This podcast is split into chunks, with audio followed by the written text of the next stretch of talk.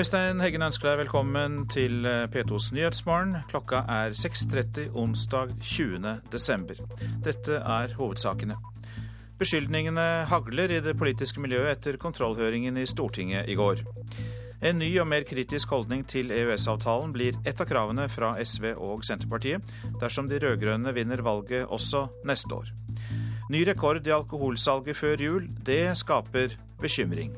Hvordan går denne høytiden? Klarer han å være edru eller rusfri jula igjennom? I den sammenhengen her så tenker jeg spesielt barna. Det har noen konsekvenser for eh, andre enn oss selv. Rusterapeut Pål Solhaug. Lite er skjedd for å utbedre telenettet etter uværet Dagmar, advarer beredskapssjef.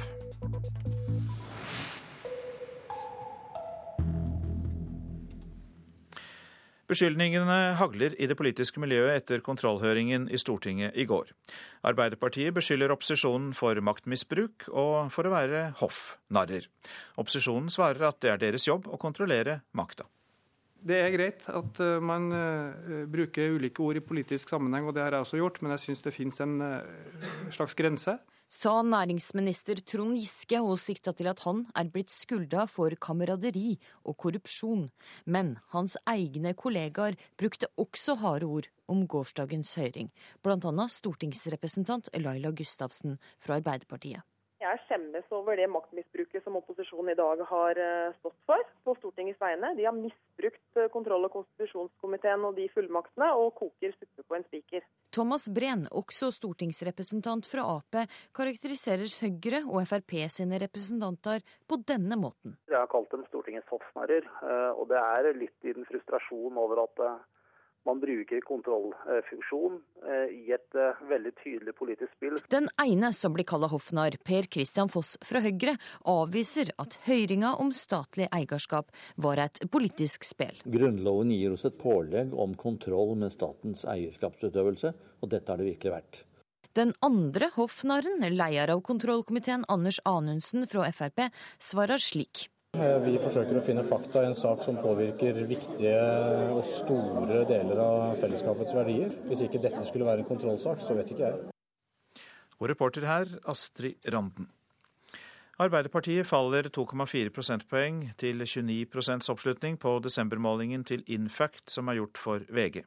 Høyre går fram 1,2 prosentpoeng til 34,3 SV får 3,3% fram 0,4 og ligger godt under sperregrensen. Senterpartiet går tilbake 0,5 til 4,5% Fremskrittspartiet får 13,3% opp 0,6. Kristelig Folkeparti får 5,7, fram 0,4.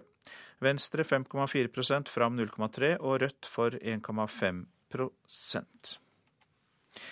Politiet i Oslo måtte rykke ut til to knivstikkinger i løpet av natten. De to ofrene er innlagt på Ullevål sykehus, men skal være utenfor livsfare. Ifølge innsatsleder Kristoffer Bang i Oslo politidistrikt har de ikke pågrepet noen etter den første knivstikkingen ved St. Olavs plass. Det vi vet, er at det har vært en eh, tildragelse, en slåsskamp der. Flere personer har sett løpende fra stedet. Eh, fornærmede han tok seg selv til legevakta og ble frakta til Ullevål derfra. Vedkommende utenfor livsfare, alvorlig skadd. Vi har ingen pågrepne i den episoden. Det forteller innsatsleder i Oslo politidistrikt Kristoffer Bang om knivstikkingen som skjedde ved St. Olavs plass i Oslo rett etter midnatt natt til i dag. Vi har noen vitneopplysninger. De er eh, Vi jobber videre med de opplysningene. De er litt eh, sprikende, så vi ønsker ikke å gå ut med de nå. Men vi jobber videre med med ting i den saken. NRK vet at dere har gjort aktive søk i løpet av natten, men det er altså ikke foreløpig gitt resultat? Vi har ikke pågrepet noen i den saken. Senere på natten rykket politiet ut til enda en knivstikking. Halv fire var det en knivstikking her i Tollbugata 8. Eh, en mann er pågrepet, en mann er skadd. Har ikke fått eh, tilbakemelding på alvorlighetsgraden eh, hans enda, men han skal være ved bevissthet. Vi vet ikke så mye om foranledningen. Vi har pågrepet en gjerningsmann. Og vi har en eh, fornærmet, og vi vet det har skjedd her inne i, eh, på pensjonatet. Etter det vi vet, så skal gjerningsmannen ha blitt bortvist fra en pub eh, oppe i gata her litt tidligere i natt. Var det alkohol inne i bildet? her?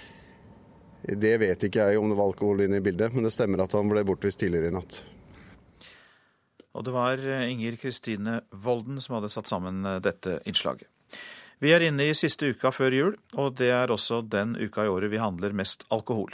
Etter rekordåret i fjor ser det ut til at vi kommer til å kjøpe enda mer i år. Nå advarer ekspertene mot følgene av dette for barn og unge i jula. Ved Vinmonopolet i Arendal er polkunden Odd Werner i ferd med å handle inn årets juleakevitt. Den med juletrepynt på. Så var det den som kanskje er best i test, Gammel Oppland. Og så var det et par-tre juleøl. Den fra Nøgenø og den fra Mack. Og så en uh, hetvin til dessert. Det er julen sikra? Ja, tror det. Ja. Her er et av våre grupperom. Kontrastene er store fra Vinmonopolet i Arendal til behandlingsrommene på Sørlandet sykehus i Kristiansand. Her det, sitter pasientene i sirkel og har gruppeterapi, eh, hvor eh, fokuset handler om å håndtere et liv uten bruk av rusmidler. Leder for Eininga for rus- og avhengighetsbehandling, Pål Solhaug, viser rundt. Han sier juletida er ei utfordring for mange. Julen for disse folka er nok ei trøvrig tid for mange av de. Eh, en ting er de vi nå har i behandling, de har jo relativt sikre rammer rundt seg og godt forberedt jul og i det hele tatt. Men, men, det er klart her både for de og ikke minst de rundt, så går de med en bekymringsklump i maven. Hvordan går denne høytiden? Klarer han å være edru eller rusfri jula igjennom?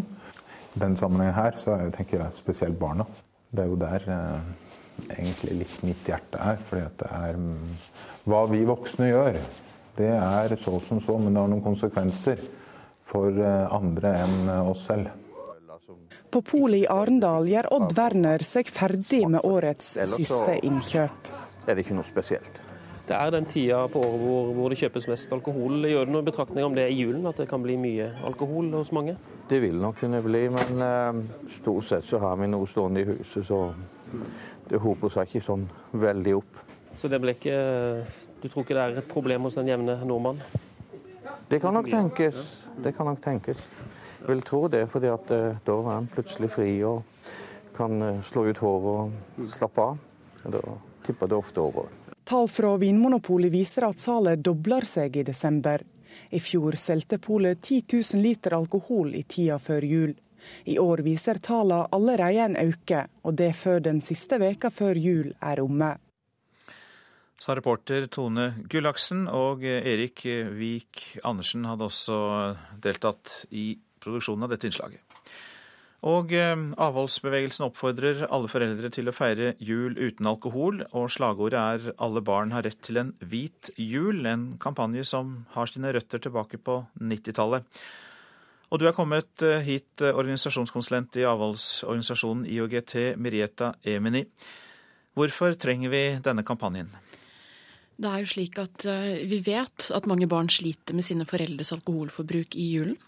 Vi vet at Vinmonopolet selger dobbelt så mye enn de gjør resten av, eller andre månedene i året. Og julen er på en måte blitt en høytid hvor vi bruker mer og mer alkohol, og det i samvær med barn. Uh, og det gjør jo at uh, Og dette er en ferie uh, hvor barn er ekstra utsatt. hvis det er litt ubehagelig kanskje å være hjemme med foreldre, for dette er en ganske privat høytid. Og der sitter du da med foreldrene dine, familien din, en god del dager og ikke har muligheten til å komme deg unna. Nå er det vel sikkert også mange lyttere som vil spørre om ikke et moderat alkoholforbruk er greit? Eh, vi eh, i UGT mener i hvert fall at med barn eh, så skal det være alkoholfritt. Det skal være en alkoholfri sone. Voksne har mange arenaer hvor de kan ta seg et glass eller to. Men med barn så bør man helst holde seg alkoholfri. Hva mener dere med barn? Hvor lenge opp i aldersklassene bør det være alkoholfritt i eh, hjemmet i jula? Vet du hva, Etter min mening så gjerne helt opp til de er 17-18. Vi vet at foreldrene er de viktigste eh, rollemodellene for barn når det gjelder bruk av alkohol. Jeg har selv vært på ungdomsskoler og snakket til foreldre som har barn fra 8. til 10. klasse. Eh, og bedt dem være bevisste og reflekterte omkring sin bruk av alkohol i samvær med deres barn, og gjerne ungdommer også. Eh, fordi måten foreldrene forholder seg til alkohol på, det smitter over på barna.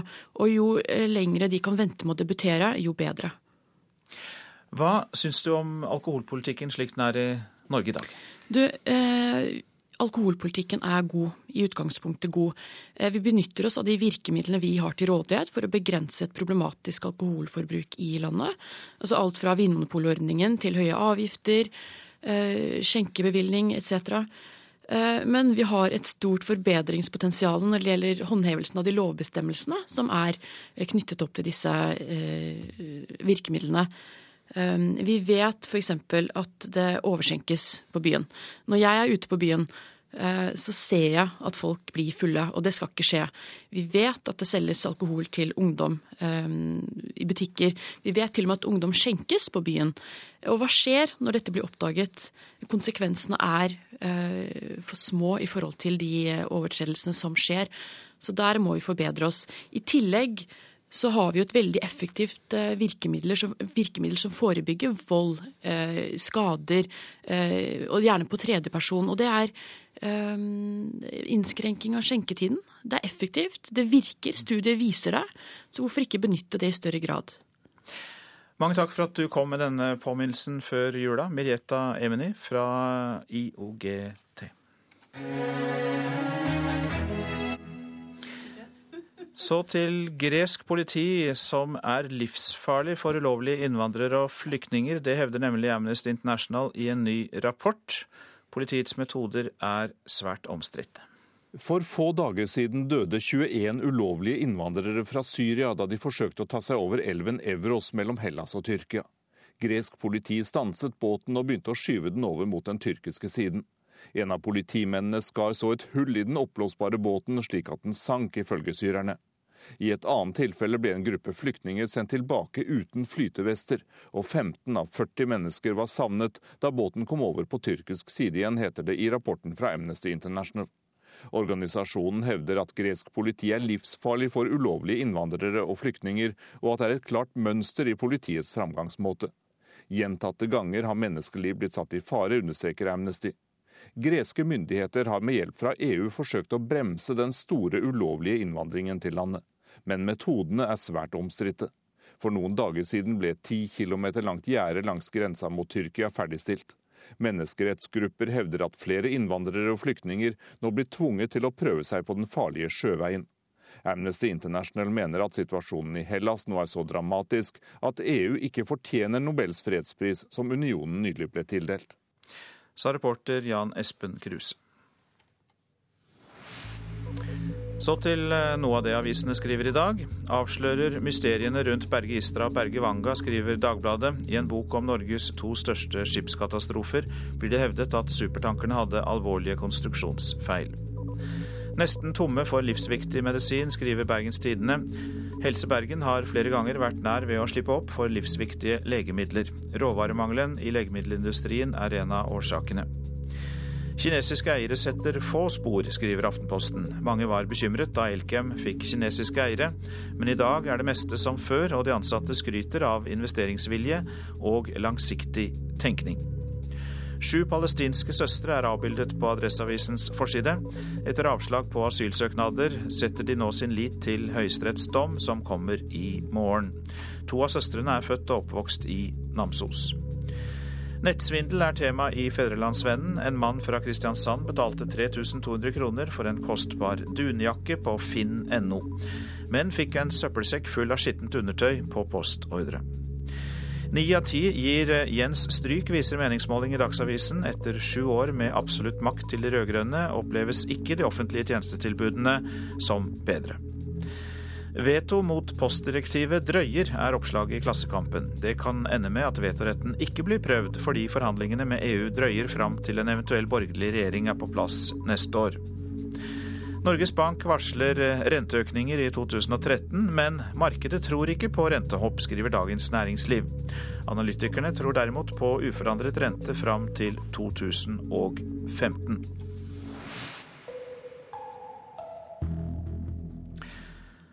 Landslagssjef Roy Johansen er bekymret for helsa til Mats Zuccarello Aasen, som spiller ishockey for den russiske Continental Hockey League. Nordmannen sliter med flere småskader, og landslagssjefen mener at den russiske klubben presser ham for hardt. Det er her, da. Ja, I armen. Og den har ikke blitt helt, eh, helt bra ennå.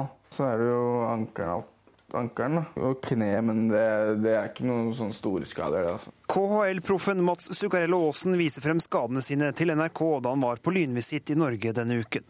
Han liker ikke situasjonen. Det, jo, det går litt utover spill og litt flyten og treninger og sånne ting. Og du mister jo en del av å være skada.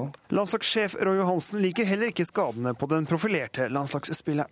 Han mener den russiske klubben Metallurg Magnitogorsk er kyniske og presser Aasen for hardt.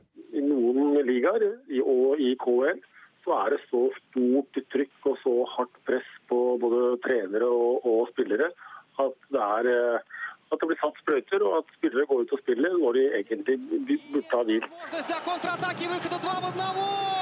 I går kveld spilte Mats Zuccarello Aasen da klubben vant 5-3 borte mot Atlant Moskva.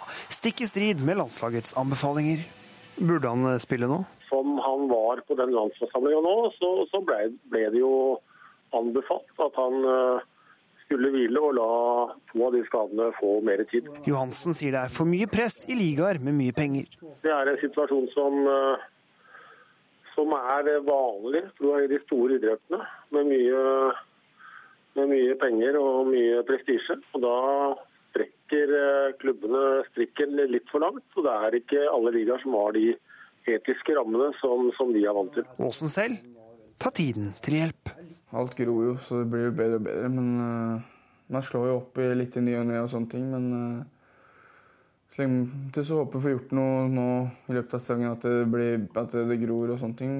De tingene som skal gro. Og i sommer få restituert ordentlig og, og vært klar for en sesong. Og eh, reporter her, det var Anders Engeland. Du lytter til Nyhetsmorgen. Klokka har passert 6.47. Dette er hovedsaker. Beskyldningene hagler i det politiske miljøet etter kontrollhøringen i Stortinget i går. En ny og mer kritisk holdning til EØS-avtalen blir et av kravene fra SV og Senterpartiet om de rød-grønne vinner valget også neste år. Og om noen minutter skal vi høre om rekordsalg av norske TV-serier.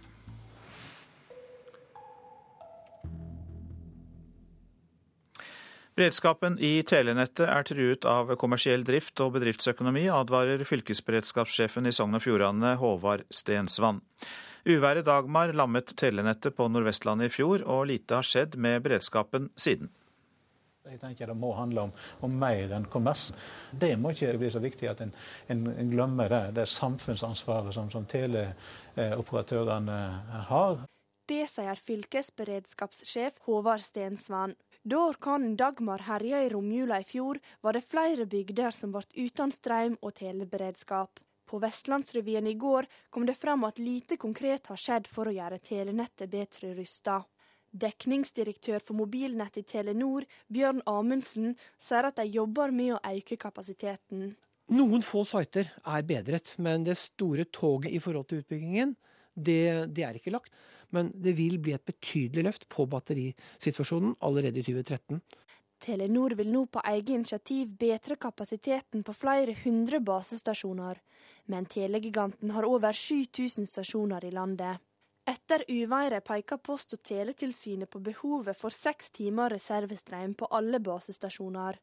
I tillegg foreslo de tre døgn reservestrømkapasitet på særlig viktige basestasjoner.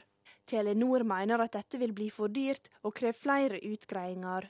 Det krever en så omfattende utbygging at vi tror ikke det er realistisk. Men vi tror de grepene vi gjør nå, det vil utgjøre en stor forskjell.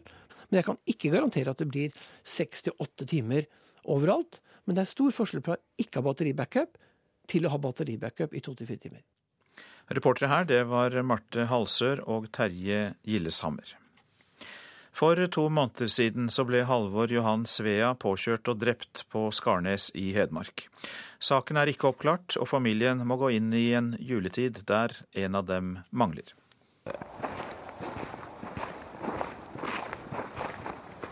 Det skjedde 40 meter her nede. På venstre side av veien har de fant den. Mm. Og som sagt, så De bor jo i det huset, så han har ikke gått så veldig langt. Nå er vi på tur til stedet der Halvor Johan Sva ble påkjørt og drept for akkurat to måneder siden. Svogeren til Halvor, Hans Ullerlien, syns fortsatt det hele er uvirkelig. Det er en uh, gåte for oss. Det er helt uforståelig at det kan ha skjedd. Så nå er vi framme på stedet der, uh, der de fant med Halvor. Da. Så her var den nå. Ja. Så det er tragisk på så mange, mange måter. Det er det.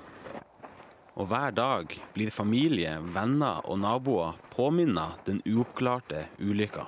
Dette er jo et sted som uh, familien og nabolaget passerer, altså i hvert fall de som bor her i nærheten. Uh, det, er jo ingen uh, stor trafikk på veien her, men det er klart de nærmeste de, de går forbi her. Og det er jo en påminnelse hver dag det, om, om, det som skjedde. Så, og det er jo sånn for min egen del òg, at jeg kjører jo ikke forbi her uten å liksom slenge blikket ned her. Mm. Hva tenkte du på når du kjører forbi her? Nei Det er på en måte tanken på at en, en ordentlig mann ble funnet sterkt forkommen rett ned i, ned i kanten her. Og det, det er på en måte litt sånn Det er vondt og groteskt og alt på samme måten. Så det er veldig mange rare følelser som drar igjennom. Da. Det er det. Så, og nå var det sønnen som fant den her òg, så det er mange ting ved denne saken som jeg syns er uh, vondt.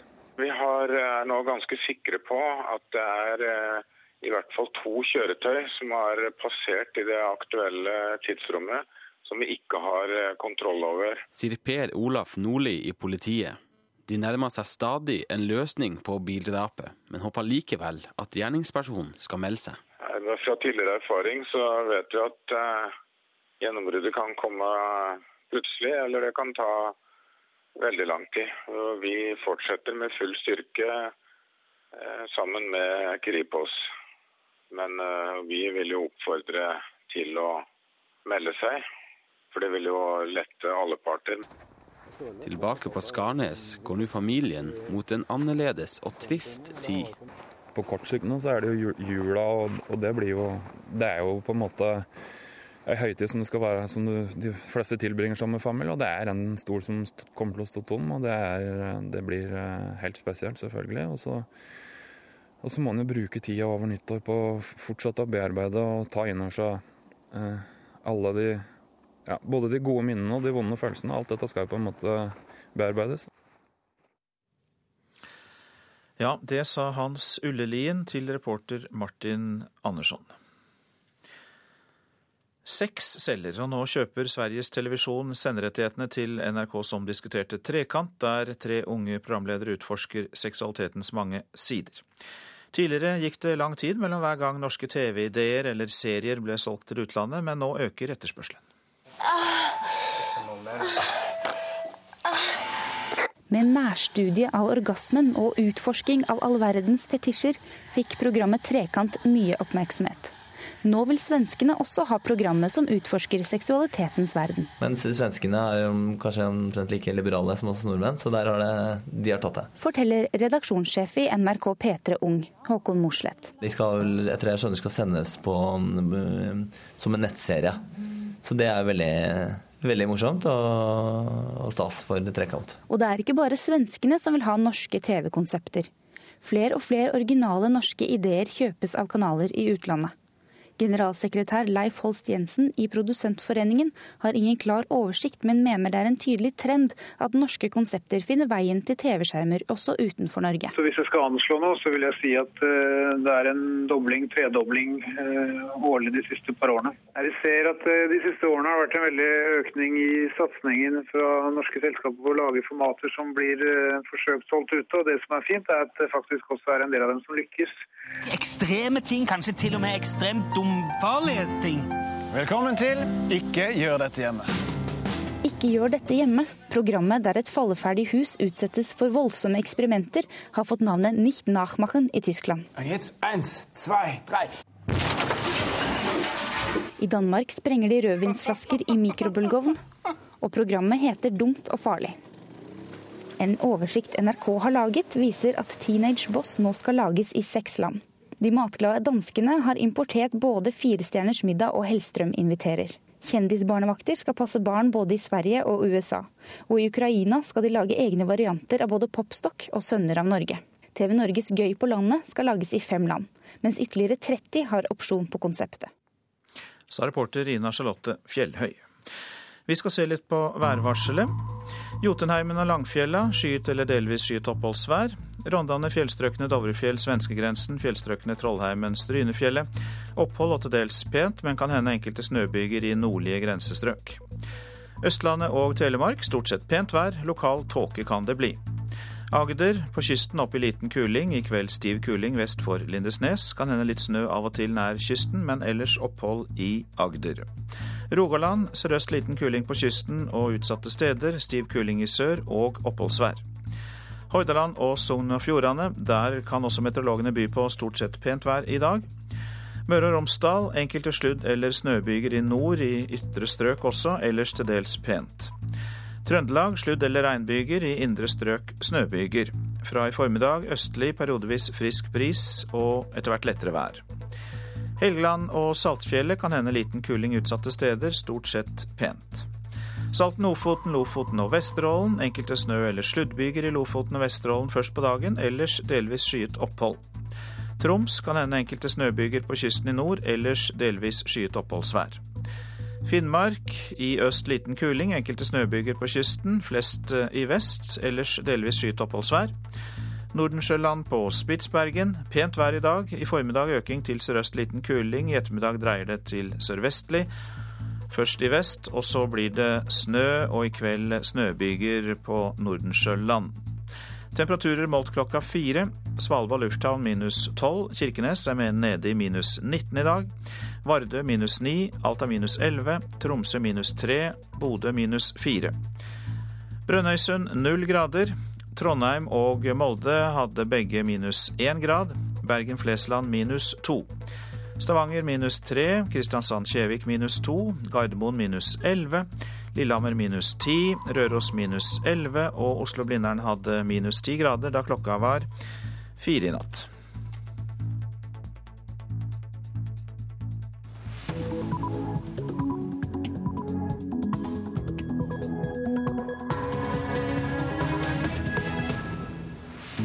Klokka er sju, og du lytter til Nyhetsmorgen med Øystein Heggen i studio. Her er en nyhetsoppdatering. Bransjen vil dopingteste ansatte ved treningssentrene. Arbeidsministeren åpner for lovendring. Det er en naturlig konsekvens. og Det skal også være mulig å teste ansatte. Bransjedirektør for trening i Virke, Anne Tidemann.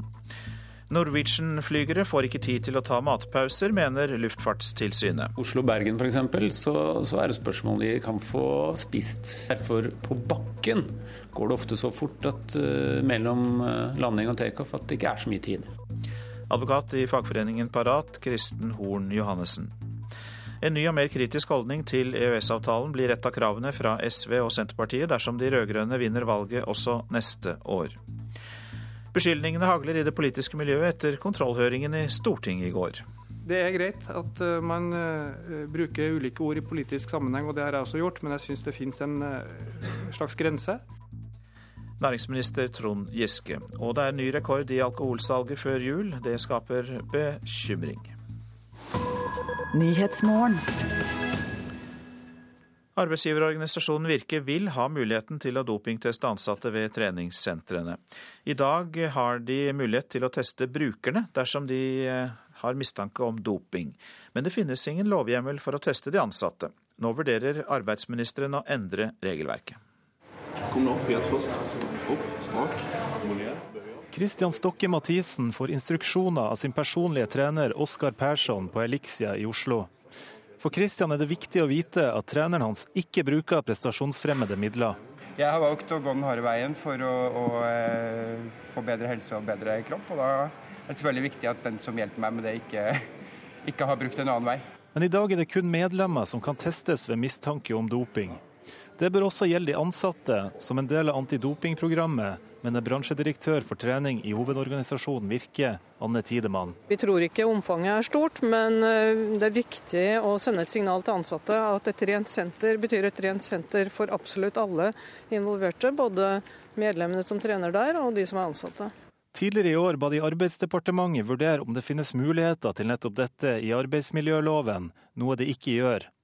Deretter ønska de å endre regelverket, men fikk til svar fra departementet at det ikke er behov for det.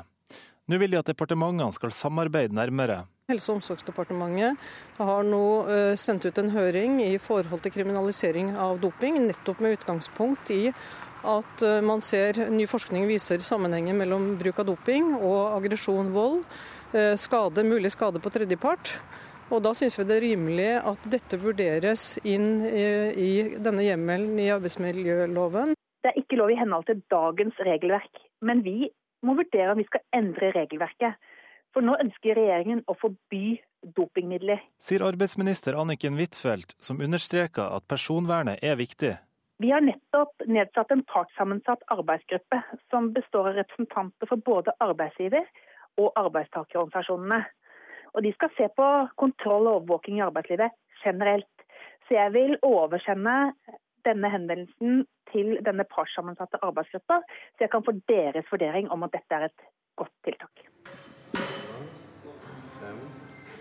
Tilbake på Elixia har personlig trener Oskar Persson ingen betenkeligheter med å skulle bli dopingtesta på jobb. Det kjennes helt ok. Jeg syns bare det er skjønt. Det blir som en stempel at, uh, at vi er ok, faktisk. Så det er bare en kvalitetssikring, kan jeg kjenne. Og reportasjen var laget av Ole Marius Rørstad. God morgen til deg, Bjørn Erik Thon. God morgen. Du er direktør i Datatilsynet, som vi vet. Og fra Datatilsynets ståsted bør treningssentrene få dopingteste ansatte? Uh, nei, det bør de ikke. Og grunnen til det er at de som da blir dopingtestet, det er jo vanlige arbeidstakere. og arbeidstakere de er i et tillitsforhold til sine sjefer. Og det er klare regler om det, som også arbeidsministeren uttrykte her. Det er kun i tilfeller hvor det er en særlig risiko, eller at det er fare for liv og helse, at det er åpnet opp for denne type testing i dag. Og det har veldig gode grunner for seg at det er nettopp slik. Men liv og helse er det vi hørte om i innslaget her, nemlig for å unngå aggresjon, unngå skader, få en absolutt sikkerhet for at det er dopfritt på treningssentrene. Så da burde vel det ligge inn under det kravet? Ja, jeg forsto vel det at det var en mye bredere regulering enn dette. Og her er det snakk om en helt smal regulering av at du skal kunne dopingteste eller drive med en form for medisinsk testing mm. av de som jobber på et spesielt sted. Og her er det laget gode lovregler som som sagt de understreker at det er i de farlige yrkene, f.eks. luftfart, f.eks. offshorevirksomhet, hvor det er en stor risiko forbundet med det å være rusa eller være påvirket på andre måter, at det åpnes for at man kan rusteste de ansatte. Ellers så er dette faktisk forbudt. Og hvis man åpner opp for dette i treningssenterbransjen, hvor skal man ende opp da? For treningssenterbransjen er på ingen måte utsatt når det gjelder verken liv, helse eller risiko. Det er folk som går rundt og hjelper andre, det er folk som står i resepsjonen. Altså Det er absolutt ingenting som i gang er i nærheten av risiko eller vern av liv og helse når det gjelder treningssenterbransjen. Så åpner man opp her, så vil man åpne opp for nærmest fritt fram for rustesting av norske arbeidstakere. Og det tviler jeg veldig sterkt på om regjeringen vil, hvis de går inn og tenker på dette.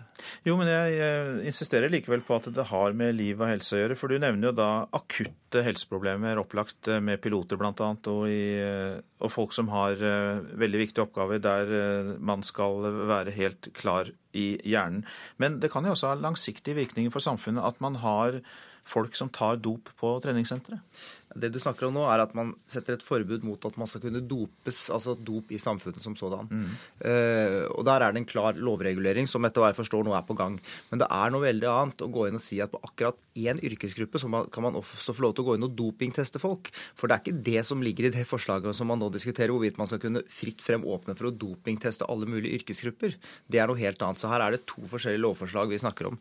Uh, og jeg blir veldig overrasket hvis det er sånn at man ender opp med å lovfeste en rett til å dopingteste folk som jobber i treningssentre, mens man i de aller, aller, aller fleste yrker ikke har lov til det. For det er faktisk ikke så stor forskjell på det å jobbe i et treningssenter og det å ha et annet serviceyrke hvor som helst det måtte være.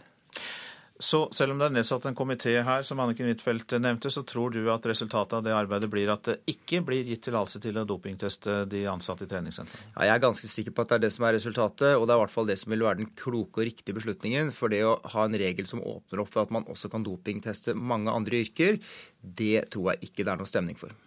Takk skal du ha, direktør i Datatilsynet Bjørn Erik Thon. Nå om et lunsjopprør blant flygerne i Norwegian. Og de får støtte til dette opprøret fra Luftfartstilsynet, som krever at flyselskapet legger om sine arbeidsrutiner. De krever nemlig at flygerne skal få mer tid til å spise på jobben.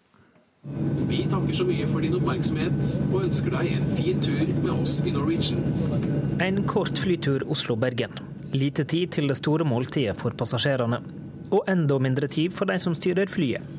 Såpass lite at Luftfartstilsynet har påpeka det overfor Norwegian, stadfester spesialrådgiver Gudmund Taraldsen i tilsynet. Inntrykk av at eh, besetningene fra tid til annen, spesielt på disse korte strekkene, eh, hvor flere kommer da etter hverandre, ikke har eh, tid nok til å innta et måltid. Flygernes fagforening kjemper også for mer tid til å spise. Pilotene ønsker jo å ha mulighet til å innta næring på en ordentlig måte og ha pauser underveis. så det er i alle tarifforhandlinger så har vi dette oppe. Forklarer advokat i fagforeninga Parat, Kristen Horn Johannessen. På lange flyruter er det uproblematisk.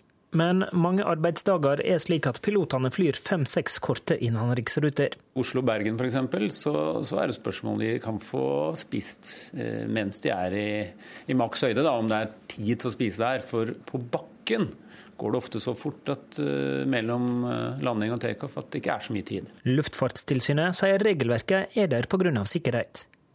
I mai i år påpeker de at Norwegian måtte gi flygerne mer tid til å ete. Frist oktober. Men det var et krav Norwegian hadde problemer med å rette seg etter. Norwegian mente de ikke ville klare kravene allerede til vinteren 2012, og de mente kravene ville bli for dyre å gjennomføre. Dermed ga Luftfartstilsynet de løyve til å drive videre et halvt år til, uten at pilotene har forskriftsmessige pauser. Vi mente at eh, den eh, klagen var grei nok, og at vi innvilget da en forlengelse av, eh, av den dispensasjonen. Det reagerer advokat Johannessen i Parat på. Fordi eh, I utgangspunktet så fikk jo dette flyselskapet eh, tid til å innrette seg på å følge eh, bestemmelsene. Så klarer de ikke det, og så får de tilgivelse og kan fortsette gjennom vinterprogrammet med å ja, slippe å forholde seg til gjeldende regler. Og Vi stiller spørsmål om eh, på hvilket grunnlag er det man da fører tilsyn. På hvilket grunnlag gir man dispensasjon, og hva er de styrende hensynene som Luftfartstilsynet eh, bruker når de eh, gjennomfører sine plikter og pålegg. Nå er fristen 31.3.2013. Er det aktuelt med flere utsettinger? Nei, nå er det streik.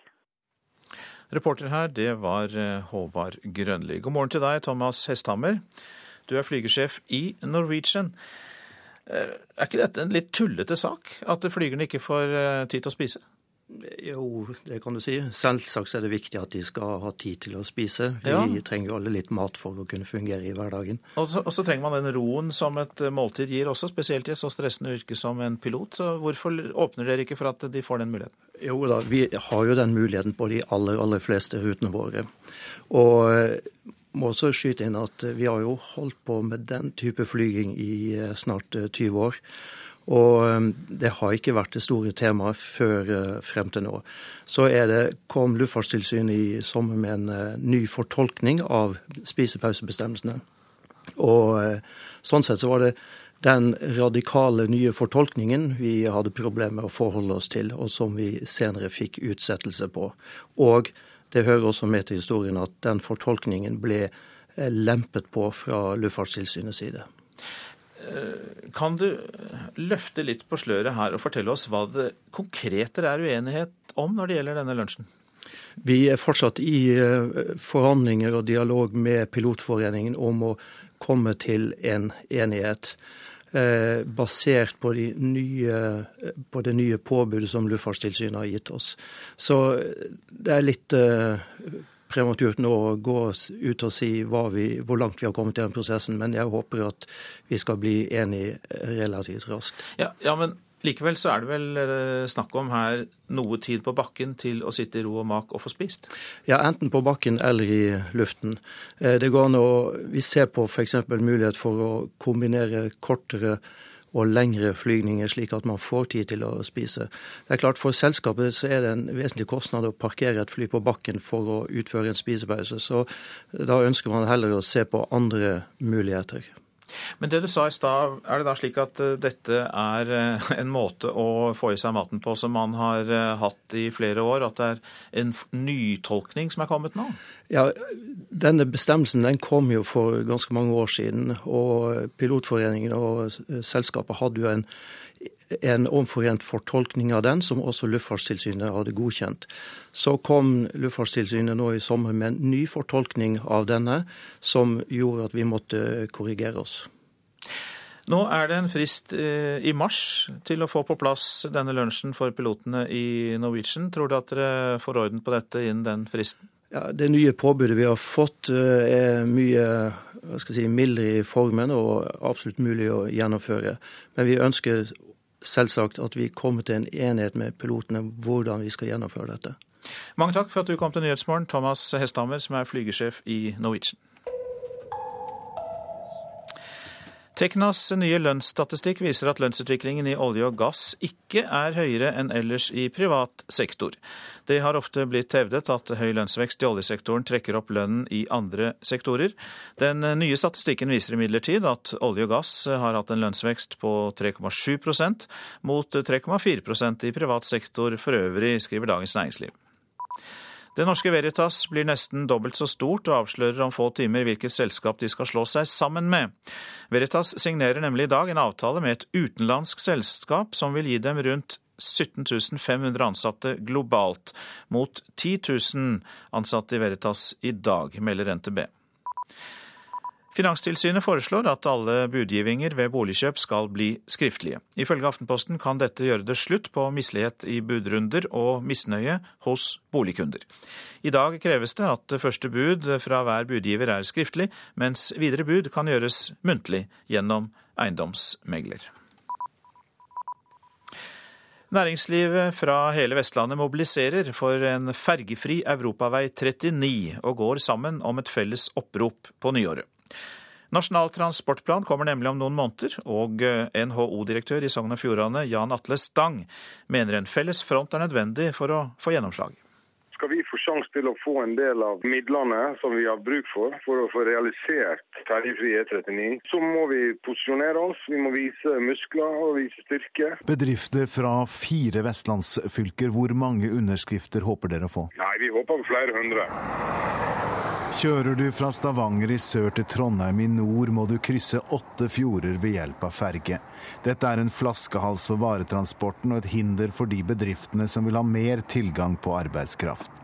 Å erstatte fergene med broer og tunneler har en svimlende pris. Totalsummen er på 100 milliarder kroner. Men NHO-direktøren i Hordaland, Tom Knutsen, jobber for en fremtid uten ferger. Jeg har pleid å sagt det slik at Hadde man på Østlandet akseptert hvis veien var stengt i en halv time, og så åpen i fem minutter, og så stengt i en halv time igjen. Sånn som det er f.eks. her i Hordaland på 139. Jeg tror aldri man ville akseptert det. Det er et krav fra næringslivet om at vi ikke vil vente lenger. Nå må man få disse strekningene på plass. Knutsens kollega i Møre og Romsdal, Toril Ytreberg, har allerede vært på Stortinget og levert et opprop med støtte fra 81 bedrifter bare i hennes eget fylke. Nå håper hun at et samlet Vestlandet vil gi stor slagkraft for kampen om pengene strekningene er knallhard. Det satses veldig mye på østlandsområdet med intercitytriangelet, og det er viktig for oss også. Men samtidig så ser vi at vi er nødt til å få på plass den transportkorridoren som vi har på Vestlandet. Ja, det sa Toril Ytreberg, regiondirektør i NHO i Møre og Romsdal. Reporter Trond Vestre. Dette er Nyhetsmorgen, klokka går mot 7.17. Dette er hovedsaker. Arbeidsgiverorganisasjonen Virke vil ha mulighet til å dopingteste ansatte ved treningssentrene. Nei, sier Datatilsynet. Det er lunsjopprør blant flygerne i Norwegian, for flygerne får ikke tid til å spise, mener Luftfartstilsynet. Og flygersjefen i Norwegian sa her i Nyhetsmorgen at han håper på en løsning før fristen i mars. Og en ny og mer kritisk holdning til EØS-avtalen blir et av kravene fra SV og Senterpartiet om de rød-grønne vinner valget også neste år. Verdens helseorganisasjon har stanset all poliovaksinering i Pakistan. Årsaken er at åtte helsearbeidere er drept og flere andre såret i brutale angrep de siste dagene. Asia-korrespondent Anders Magnus, du er med oss. Hva skjer i Pakistan nå etter denne avgjørelsen? Nei, Nå har altså FN, både Unicef og WHO, midlertidig stanset vaksineringen. Men det er noen provinsguvernører som sier at i deres provins så skal man fortsette da bare med lokalt ansatte i helsevesenet der. Men det er klart at den svært vellykkede vaksineringskampanjen i Pakistan den har fått et kraftig tilbakeslag. I fjor klarte de å redusere antall tilfeller med polio hos uh, unger med 70% Hvordan det skal gå til neste år, det kan man bare tenke seg når denne kampanjen nå blir stanset. Man skulle jo tro at alle var for å hjelpe barn mot å få polio. Så hvem kan tenkes å stå bak disse drapene på uh, de som uh, vaksinerer? Det er nok ytterliggående eh, islamister med tilknytning til pakistansk Taliban. Selve Taliban har sagt at det er ikke dem, men det kan være grupperinger rundt dem. Og det de eh, kritiserer kampanjen for, eh, det er to, særlig to ting. Det ene er at de sier den er ment Det er ikke poliovaksine, det er et annet medikament som skal sterilisere alle muslimer. Eh, en lignende, lignende eh, anklage hadde man jo eh, til dels mot vaksineringskampanjer i Asia, hvor man beskyldte for at det var det som førte med seg aids. Men en viktigere anklage det er nok at dette kan brukes som dekke for spionasje for USA. Og Den teorien har jo blitt styrket etter at USA faktisk brukte et falskt vaksinasjonsprogram for å prøve å finne Osama bin Laden. Hva gjør myndighetene i Pakistan for å rydde opp i dette? Ikke så veldig mye. Myndighetene i Pakistan gjør svært lite for sitt folk generelt. Og, og de har også eh, trakassert en del av eh, helsearbeiderne fra utlandet med visumbegrensninger og begrensninger i bevegelsesfriheten.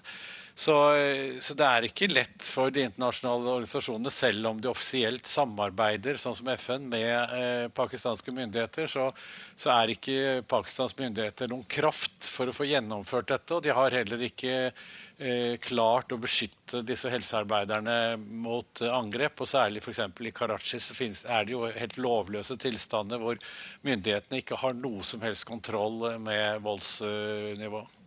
Mange takk skal du ha, Asia-korrespondent eh, Anders Magnus. Tre ansatte i det amerikanske utenriksdepartementet går av etter at en uavhengig granskning har kritisert sikkerhetstiltakene ved USAs konsulat i Benghazi i Libya. USAs ambassadør og tre andre ble drept i et angrep mot konsulatet 11.9. I november nådde antallet asylsøkere til Danmark det høyeste nivået på ti år, og stadig flere får opphold. Årsaken til økningen i søknadene er bl.a. Eh, krigshandlingene i Midtøsten, skriver Jyllandsposten i dag. De første elleve månedene av 2012 søkte over 5500 personer om asyl i Danmark. Den nye presidenten i Sør-Korea er svært bekymret for raketten som naboen i nord skjøt opp for kort tid siden. På sin første pressekonferanse sa Park Geun-hye at nasjonens sikkerhet står øverst på dagsordenen, men at hun likevel ønsker dialog med regimet i Nord-Korea. Den russiske nasjonalforsamlingen vedtok i går et forbud mot at russiske barn kan adopteres av amerikanske statsborgere. Det er en reaksjon på at den amerikanske kongressen har vedtatt at russere som står bak brudd på menneskerettighetene, ikke skal få visum til USA. Og Moskva-korrespondent Hans-Wilhelm Steinfeld, hvordan skal vi forstå koblingen mellom disse to ganske så forskjellige sakene?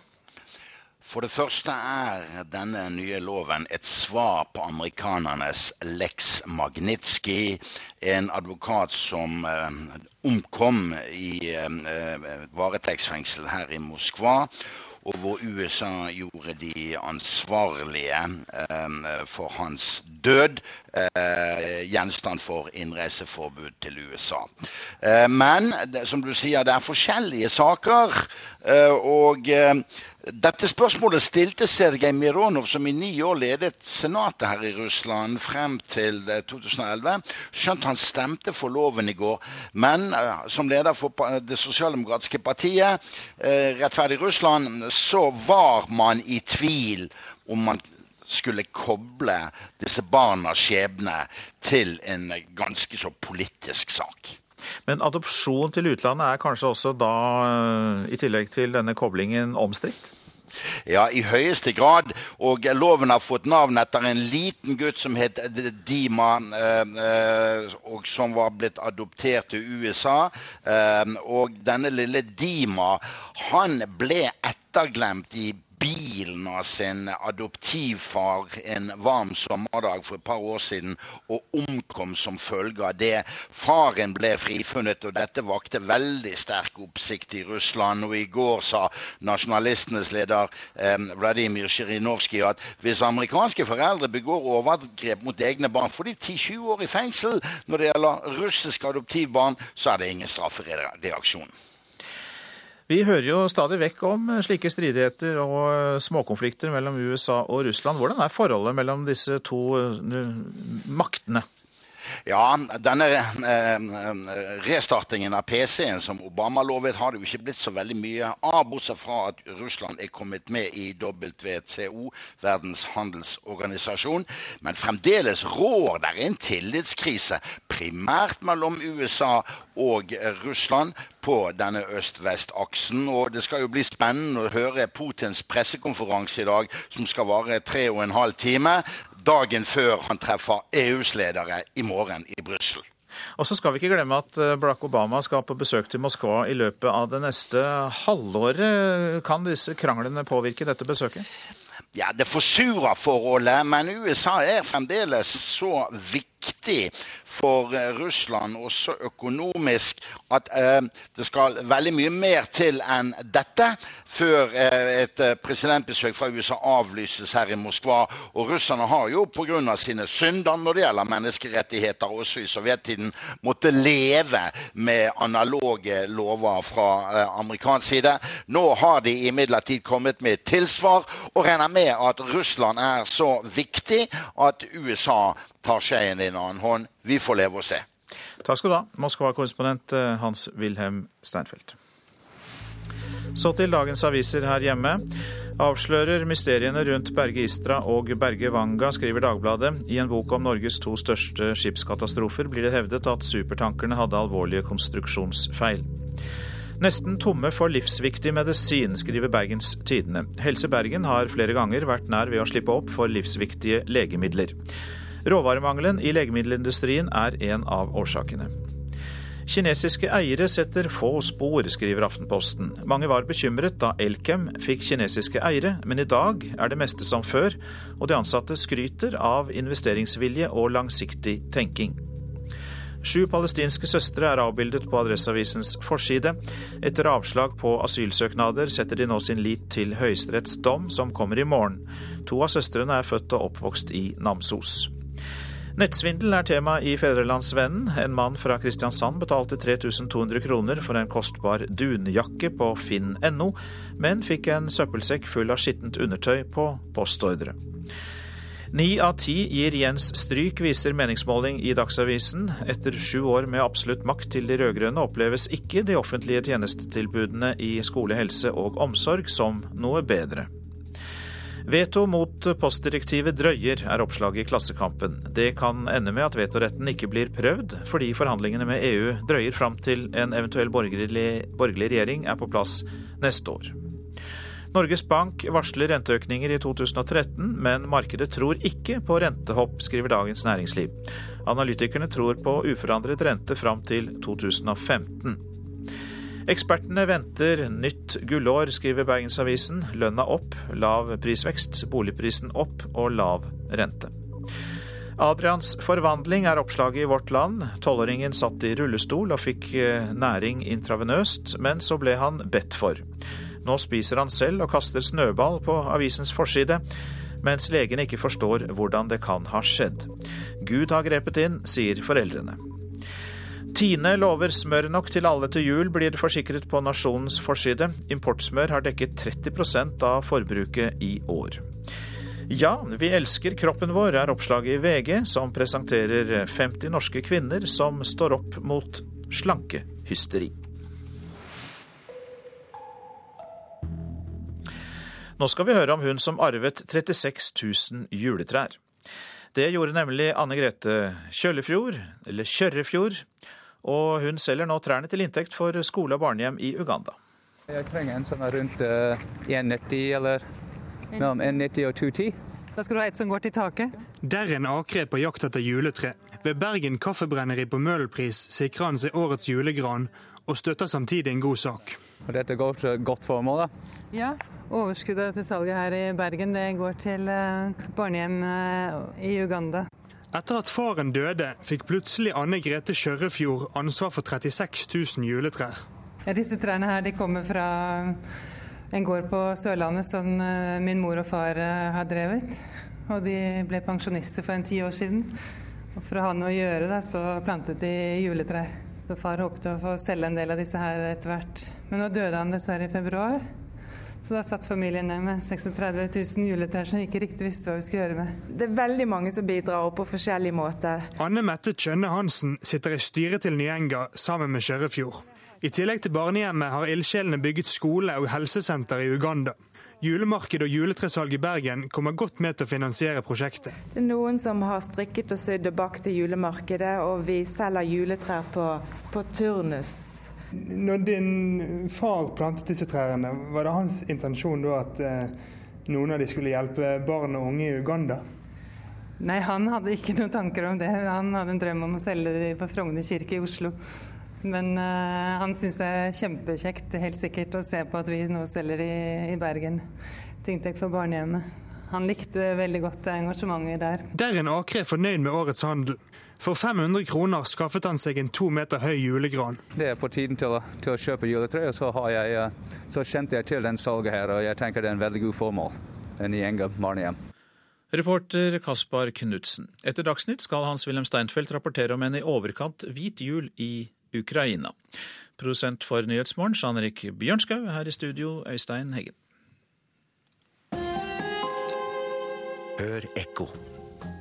Kravene til idrettsmerket for skoleelever er senket flere ganger de siste tiårene. Likevel er det færre og færre som klarer kravene. Burde skolene evalueres etter elevenes fysiske form også, og ikke bare etter karakterer i matte og norsk?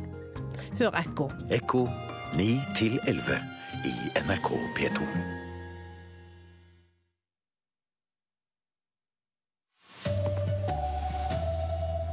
Bransjen vil dopingteste ansatte ved treningssenter. Arbeidsministeren åpner for lovendring.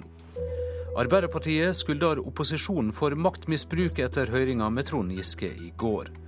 Og matpakkeopprør blant flygerne i Norwegian krever mer tid til å ete på jobb.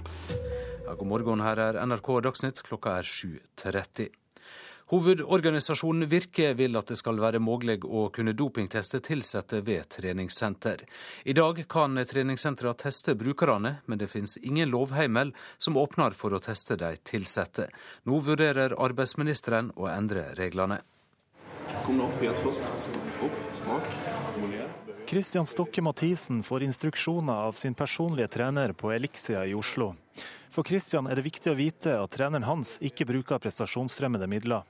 Jeg har valgt å gå den harde veien for å, å, å få bedre helse og bedre kropp. og Da er det veldig viktig at den som hjelper meg med det, ikke, ikke har brukt en annen vei. Men i dag er det kun medlemmene som kan testes ved mistanke om doping. Det bør også gjelde de ansatte, som en del av antidopingprogrammet, mener bransjedirektør for trening i hovedorganisasjonen Virke, Anne Tidemann. Vi tror ikke omfanget er stort, men det er viktig å sende et signal til ansatte at et rent senter betyr et rent senter for absolutt alle. Virke, som organiserer 310 sentre, viser til ny forskning som påviser sammenheng mellom dopingmisbruk og vold. Vi ønsker at treningssentrene skal være og inngi til trygge omgivelser. Det er derfor vi vi ber Arbeidsdepartementet om en hjemmel for å kunne teste ansatte også. Det er ikke lov i henhold til dagens regelverk. Sier arbeidsminister Anniken Huitfeldt, som likevel åpner for å endre regelverket. For nå ønsker regjeringen å forby dopingmidler. Nå har hun satt sammen ei arbeidsgruppe som skal se nærmere på kontroll og overvåkning i arbeidslivet. Så jeg vil oversende denne henvendelsen til denne partssammensatte arbeidsgruppa, så jeg kan få deres vurdering om at dette er et godt tiltak. Reporter Ole Marius Rørstad. Og direktør i Datatilsynet Bjørn Erik Thon advarer mot å starte dopingtesting av ansatte på treningssenter. Han mener rustesting av arbeidstakere fremdeles bør avgrenses til spesielle yrker som luftfart og på oljeplattformer, der det kan true liv og helse. For Treningssenterbransjen er på ingen måte utsatt når det gjelder verken liv, helse eller risiko. Det er folk som går rundt og hjelper andre, det er folk som står i resepsjonen. Altså Det er absolutt ingenting som i gang er i nærheten av risiko eller vern av liv og helse når det gjelder treningssenterbransjen. Så åpner man opp her, så vil man åpne opp for nærmest fritt fram for rustesting av norske arbeidstakere. Skuldingene hagler i det politiske miljøet etter kontrollhøringa i Stortinget i går. Arbeiderpartiet skylder opposisjonen for maktmisbruk og for å være hoffsnarrer.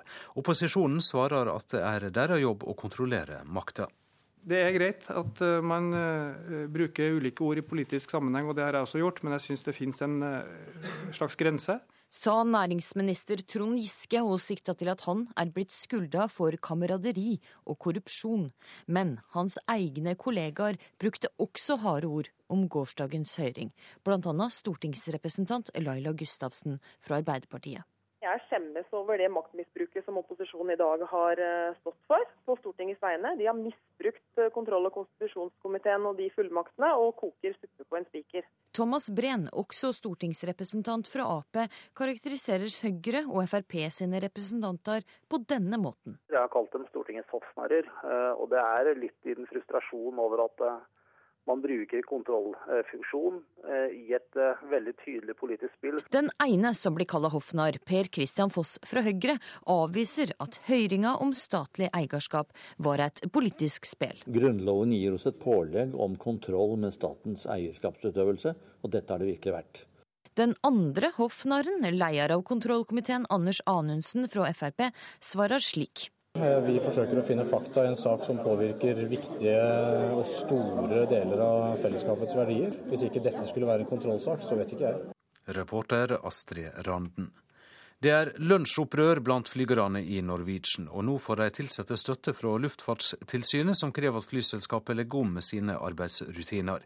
De krever at flygerne får mer tid til å ete på jobben inntrykk av at eh, besetningene fra tid til annen, spesielt på disse korte strekkene, hvor flere kommer da etter hverandre, ikke har eh, tid nok til å innta et eh, måltid. Stadfester spesialrådgiver Gudmund Taraldsen i tilsynet. Flygernes fagforening kjemper også. Pilotene ønsker jo å ha mulighet til å innta næring på en ordentlig måte. Forklarer advokat i fagforeninga Parat, Kristen Horn Johannessen. På lange flyruter er det uproblematisk. Men mange arbeidsdager er slik at pilotene flyr fem-seks korte innenriksruter. Så er det spørsmål om de kan få spist. Luftfartstilsynet sier regelverket er der pga. sikkerhet. I mai i år påpeker de at Norwegian måtte gi flygerne mer tid til å ete. Frist oktober. Men det var et krav Norwegian hadde problemer med å rette seg etter, sier flygersjef Thomas Hesthammer. Vi måtte ha ansatt eh, ganske mange flere piloter for å kunne gjennomføre denne flygningen med det gamle påbudet. De mente dessuten at de ikke ville klare kravene allerede til vinteren 2012. Dermed ga Luftfartstilsynet dem løyve til å drive videre et halvt år til, uten at pilotene har forskriftsmessige pauser til å ete. Vi mente at eh, den eh, klagen var grei nok. Vi innvilget da en forlengelse av, eh, av den dispensasjonen. Reporter Håvard Grønli. Det har vært tre knivstikkinger i Oslo sentrum i natt. En 19 år gammel mann ble alvorlig skadd etter at han ble knivstukket flere ganger ved St. Olavs plass rett etter midnatt. Ifølge vitner var det flere som stakk av fra staden etter knivstikkinga. Det sier innsatsleder i politiet, Kristoffer Bang. Det vi vet, er at det har vært en eh, tildragelse, en slåsskamp der. Flere personer har sett løpende fra stedet. Eh, fornærmede han tok seg selv til legevakta og ble frakta til Ullevål derfra. Vedkommende utenfor livsfare, alvorlig skadd.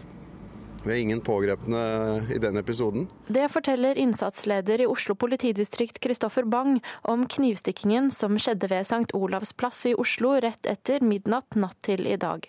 Vi har noen vitneopplysninger. De er eh, Vi jobber videre med de opplysningene. De er litt eh, sprikende, så vi ønsker ikke å gå ut med de nå. Men vi jobber videre med, med ting i den saken. Og Senere på natta ble først en 31-åring og senere en 18-åring stukket med kniv. Politiet har ikke mistanke om at det er noen sammenheng mellom de tre hendelsene. Reportere her var Erik Engen og Inger Kristine Volden. Gresk politi er livsfarlig for ulovlige innvandrere og flyktninger. Det hevder Amnesty International i en ny rapport. Metodene til politiet er svært omstridte. For få dager siden døde 21 ulovlige innvandrere fra Syria da de forsøkte å ta seg over elven Evros mellom Hellas og Tyrkia. Gresk politi stanset båten og begynte å skyve den over mot den tyrkiske siden. En av politimennene skar så et hull i den oppblåsbare båten slik at den sank, ifølge syrerne. I et annet tilfelle ble en gruppe flyktninger sendt tilbake uten flytevester, og 15 av 40 mennesker var savnet da båten kom over på tyrkisk side igjen, heter det i rapporten fra Amnesty International. Organisasjonen hevder at gresk politi er livsfarlig for ulovlige innvandrere og flyktninger, og at det er et klart mønster i politiets framgangsmåte. Gjentatte ganger har menneskeliv blitt satt i fare, understreker Amnesty. Greske myndigheter har med hjelp fra EU forsøkt å bremse den store ulovlige innvandringen til landet. Men metodene er svært omstridte. For noen dager siden ble et ti kilometer langt gjerde langs grensa mot Tyrkia ferdigstilt. Menneskerettsgrupper hevder at flere innvandrere og flyktninger nå blir tvunget til å prøve seg på den farlige sjøveien. Amnesty International mener at situasjonen i Hellas nå er så dramatisk at EU ikke fortjener Nobels fredspris, som unionen nylig ble tildelt. Reporter var Jan Espen Kruse. Antidoping Norge trenger mer penger for å kunne utføre arbeidet sitt. Med flere tunge dopingsaker trengs det mer ressurser, sier leder i påtalenemnda i stiftinga, Anstein Gjengedal. Det kan bli mer å gjøre for Antidoping Norge hvis denne type saker som vi nå holder på med, dukker opp. Det er ikke noen julegriser, da. Julestemning på kontoret. Selv om det har kokt de siste månedene. I høst kom Steffen Kjærgaard-saken opp, og nå er hekkeløpstrener Petar Vukisevic et hett tema. De har ikke mulighet til å jobbe med begge sakene, sier leder av påtalenemnda i Antidoping Norge, Anstein Gjengedal. Nå måtte man legge den ene saken litt i vent. Det blir ferdig med denne saken som det er førsteprioritet nå. Slike saker krever en annen måte å jobbe på. Stiftelsen er flinke til å teste folk, men avhør krever mer. Ressurser med etterforskningsbakgrunn er viktig å få på plass. Kulturdepartementet har økt bevilgningene med 1 million kroner. Mer er ikke aktuelt foreløpig, sier de til NRK. Daglig leder i Antidoping Norge, Anders Solheim, tar tiden til hjelp. Det må vi se på framover, hvordan vi skal løse de utfordringene. Reporter her var Anders Engeland. Ansvarlig for denne sendinga er Erlend Rønneberg, teknisk ansvarlig Espen Hansen, og i studio Odd Christian Dale.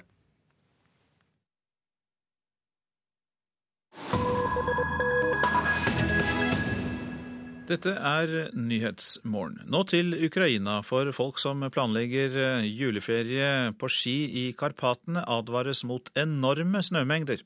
Sist helg ble folk sittende fast i bilene i tre til fire døgn.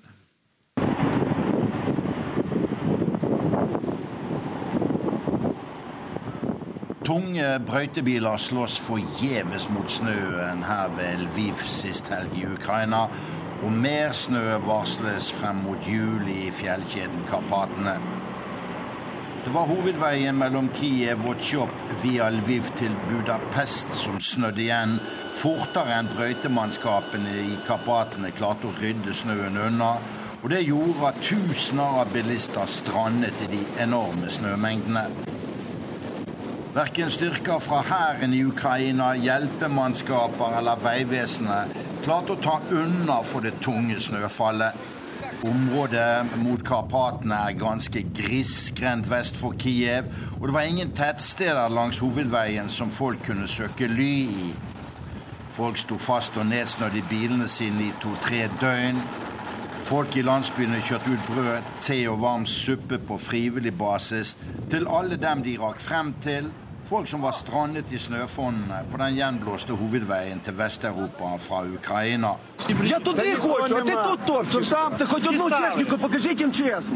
Vest for fjellene, i Ungarn, er det nærmest snøfritt nå, så det voldsomme vinterværet kommer østfra. For to uker siden ble hovedveien mellom Moskva og St. Petersburg rammet av det samme vinterlige uværet. I februar opplevde Ukraina den kaldeste vinteren på seks år, og 130 mennesker omkom i kulden da. Både Ukraina og Russland er vinterland, og gjensnødde veier vitner om manglende evner til å forberede samfunnet på de årvisse snømengdene fra myndighetenes side.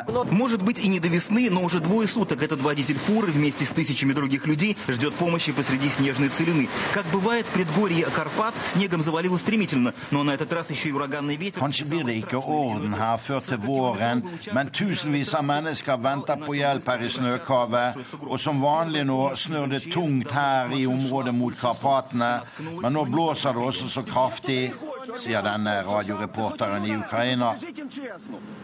Som da veiene snødde igjen i Russland for to uker siden, står tunge vogntog og spinner på flat mark på dårlige sommerdekk i Ukraina nå.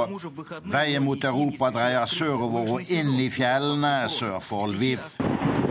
I Karpaten er det norsk veistandard, bare et kjørefelt i hver retning. Kun små landsbyer i Karpaten, og derfor tilrår myndighetene i Ukraina nå at de som skal på ski til fjells i jul, tar med ekstra drivstoff til bilene sine, nok proviant og varme ulltepper. For snør folk inne, kan de ikke regne med effektiv snørydding og unnsetning før de rekker frem til de vakre vintersportsstedene i fjellheimen i Karpatene helt vest i Ukraina.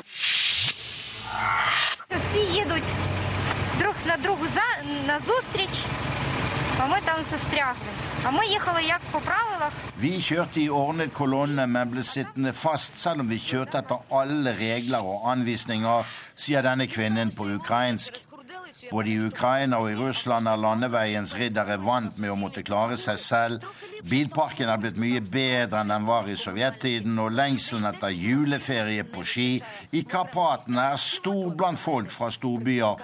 Så venter de vakre Karpatene dekket av barskog til topps de fleste steder, hvis bare veiene ikke snør igjen og rimelig veirydning blir mulig i det tunge snøværet som er varslet i Karpatene frem mot julaften. Ja, Hans-Wilhelm Steinfeld rapporterte om en veldig hvit jul i Ukraina. Dette er Nyhetsmorgen, dette er hovedsakene. Arbeidsgiverorganisasjonen Virke vil ha mulighet til å dopingteste ansatte ved treningssentrene. Datatilsynet sier nei. Det er lunsjopprør blant flygerne i Norwegian, for flygerne får ikke tid til å spise, mener Luftfartstilsynet. Og beskyldningene hagler i det politiske miljøet etter kontrollhøringen i Stortinget i går. Fattige barn i Norge, det er tema i Politisk kvarter, programleder Line Tomter. Når Frp-leder Siv Jensen opptrer som fattige barns beskytter fra Stortingets talerstol, vekker det stor irritasjon i SV. Karin Andersen er en av våre gjester i dag.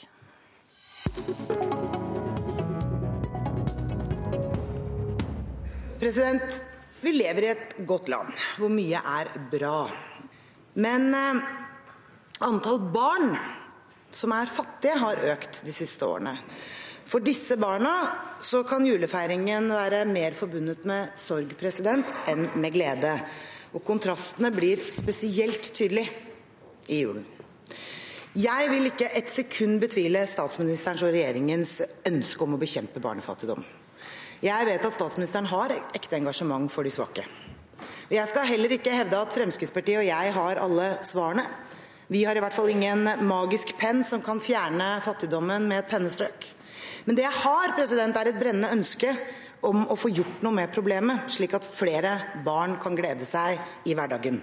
Og Jeg vil derfor spørre statsministeren om han vil være med på en tverrpolitisk dugnad, hvor vi setter oss ned sammen over nyttår, eh, drøfter oss frem til konkrete tiltak og forslag for å bekjempe barnefattigdom, eh, slik at vi eh, får på plass et løft for å få bukt med dette.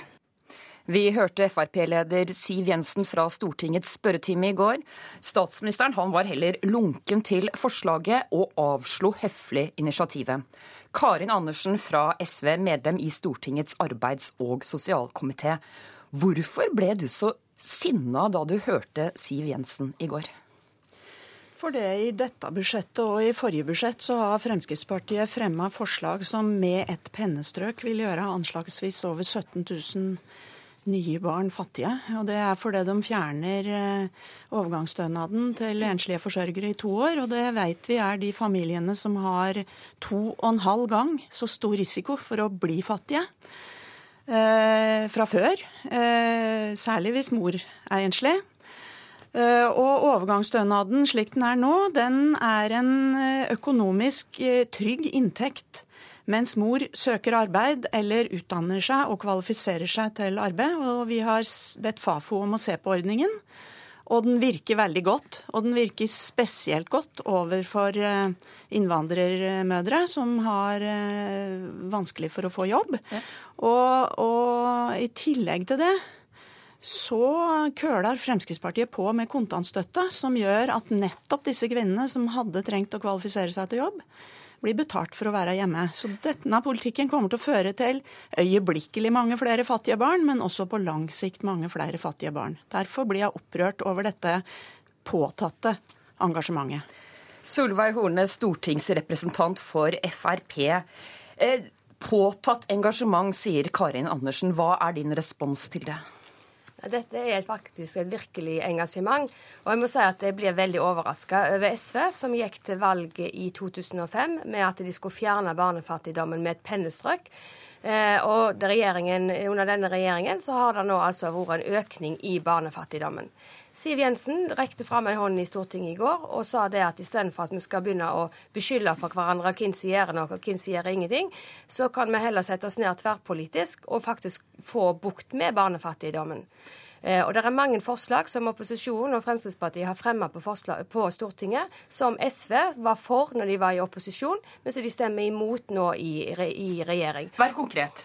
Nei, Det er i forhold til, eh, i forhold til sosialhjelpssatsene som skulle vært ute i kommunene. Det er i forhold til at eh, barn som er under 18 år, de kan få beholde sin arbeidsinntekt, ikke bli regna inn i foreldrene sin inntekt.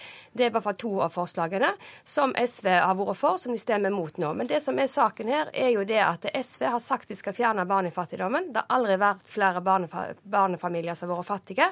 Og da bør SV heller begynne å ta den kampen innad i regjering, i stedet for å begynne å gå til angrep på Fremskrittspartiet, som faktisk har sagt at vi vil være med og gjøre noe felles. Det er, de, det er jo de konkrete forslagene her som teller. Og Fremskrittspartiet har altså i flere år fremma disse forslagene om å ta penger fra de familiene, de fattigste barnefamiliene med én, eh, bare én forelder, og der den ene forelderen ikke har arbeid. Ja, og det er, det er, veldig alvorlig. I tillegg til det så behandla vi en sak for noen av de aller fattigste barnefamiliene for ikke lenge siden, nemlig uføretrygden. men, men Karin Andersen, hvorfor kan ikke du være positiv hvis Frp nå prøver å omfavne kampen Fordi, mot barnefattigdom? Burde ikke du være positiv? Da bør de legge vekk disse forslagene. Ja, så, da, bør de, da bør de også legge vekk forslagene som de har hatt om å fjerne uføretrygden muligheten til å få uføretrygd for alle som er under 40 år. Hvis du aldri kan tenkes å komme i jobb noen gang. Vil Frp fjerne uføretrygden for alle under 40 år? Eh, nei, det vil vi ikke. Men det, har dere foreslått i Stortinget. Som, ja, men la meg forklare. For det første så sier alle forskere at eh, hvis du øker barnetrygden, og, og, så vil det hjelpe mot en god del av barnefattigdommen. Har, den har vært, ikke vært regulert på over 17 år. Det vil hjelpe. Det har Fremskrittspartiet foreslått i alle år. Så er det sant som Karin Andersen sier, at vi eh, kutter i engangsstøtten ned til ett år. Men det som ikke Karin Andersen sier noe om, er at det er unntaksbestemmelser der. For at hvis du er under utdanning, hvis du har fått barn og du er under 18 år, og hvis du er uføretrygda eller har fysiske eh, ting, så skal du kunne få eh, videreført den. Men Engangsstøtten er òg en passiv støtte. Nei, det viktigste her er å få folk ut i arbeid. Og der er det som, I stedet for å begynne å argumentere og kjefte på hverandre, så bør vi heller sette oss ned og gjøre noe med dette problemet. Og det er det Fremskrittspartiet ønsker til SV òg når de er i regjering. Har muligheten til å gjøre noe med barnefattigdommen. Og da er det mulig å støtte noen av de forslagene til Fremskrittspartiet i stedet for å gå til angrep. Andersen, det, så det er helt uaktuelt for deg å sette deg ned sammen med bl.a. Frp for å snakke om hvordan skal vi bekjempe barnefattigdom? Diskutere dette med hvem som helst, ja, fordi jeg er veldig opptatt av det. Men da må man slutte å fremme forslag som gjør, med et pennestrøk, mange tusen barn flere fattige. Og det er fint med økt barnetrygd. Det Fremskrittspartiet har foreslått nå, er 38 kroner i måneden til alle barnefamilier. Ja, og da får, da får altså de, og de fleste av de penga, av de 300 millioner kroner dere har lagt inn, går jo til familier som overhodet ikke trenger dem. Vi har brukt de pengene vi har hatt ekstra i dette budsjettet, på barnevern, som vi veit går som en vond tråd svart tråd gjennom generasjoner av mange liv. Vi er nødt til å bryte det, og vi har lagt inn penger på det som heter Jobbsjansen, som gjør at innvandrerkvinner kommer seg i jobb. Det er det som har gjort at de fleste norske kvinnfolk ikke er fattige, er at de har arbeid. Fremskrittspartiet vil betale de kvinnfolka for å være hjemme med kontantstøtte. Det er det sånn at dere vil betale innvandrerkvinner for å være hjemme med kontantstøtte? Fremskrittspartiet ønsker å ha kontantstøtten for at familien skal kunne få en valgfrihet. Men det er ikke det vi diskuterer nå. Fremskrittspartiet støtter òg alt det som regjeringen gjør i forhold til barnevern. Men det som er saken her, er at det engasjementet som Karin Andersen har for fattige familier, det bør hun bruke innad i regjeringen. For Fremskrittspartiet er i hvert fall villige til å, å, å, gjøre noe med det og støtte forslag hvis det kommer fra regjering. Sånn som det er nå, så har det ikke kommet forslag fra regjeringen, og det har aldri vært flere fattige barn som under denne regjeringen. Andersen, du blir nå sittende. Vi er ferdig med del én av denne sendingen. Takk for at du kom, Solveig Horne fra Frp.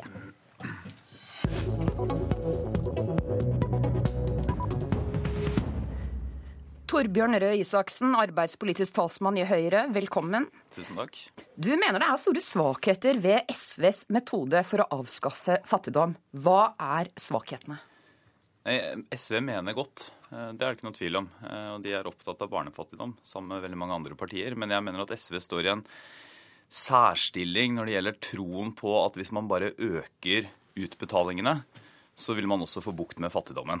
Eh, SV hadde et forslag for noen år siden som hvis man prisjusterte det, så ville det bety at eh, en sosialhjelpsmottaker ville få utbetalt ca. 350 000 kroner. Dvs. Si godt oppi det som er en, en, en middels lønn i Norge.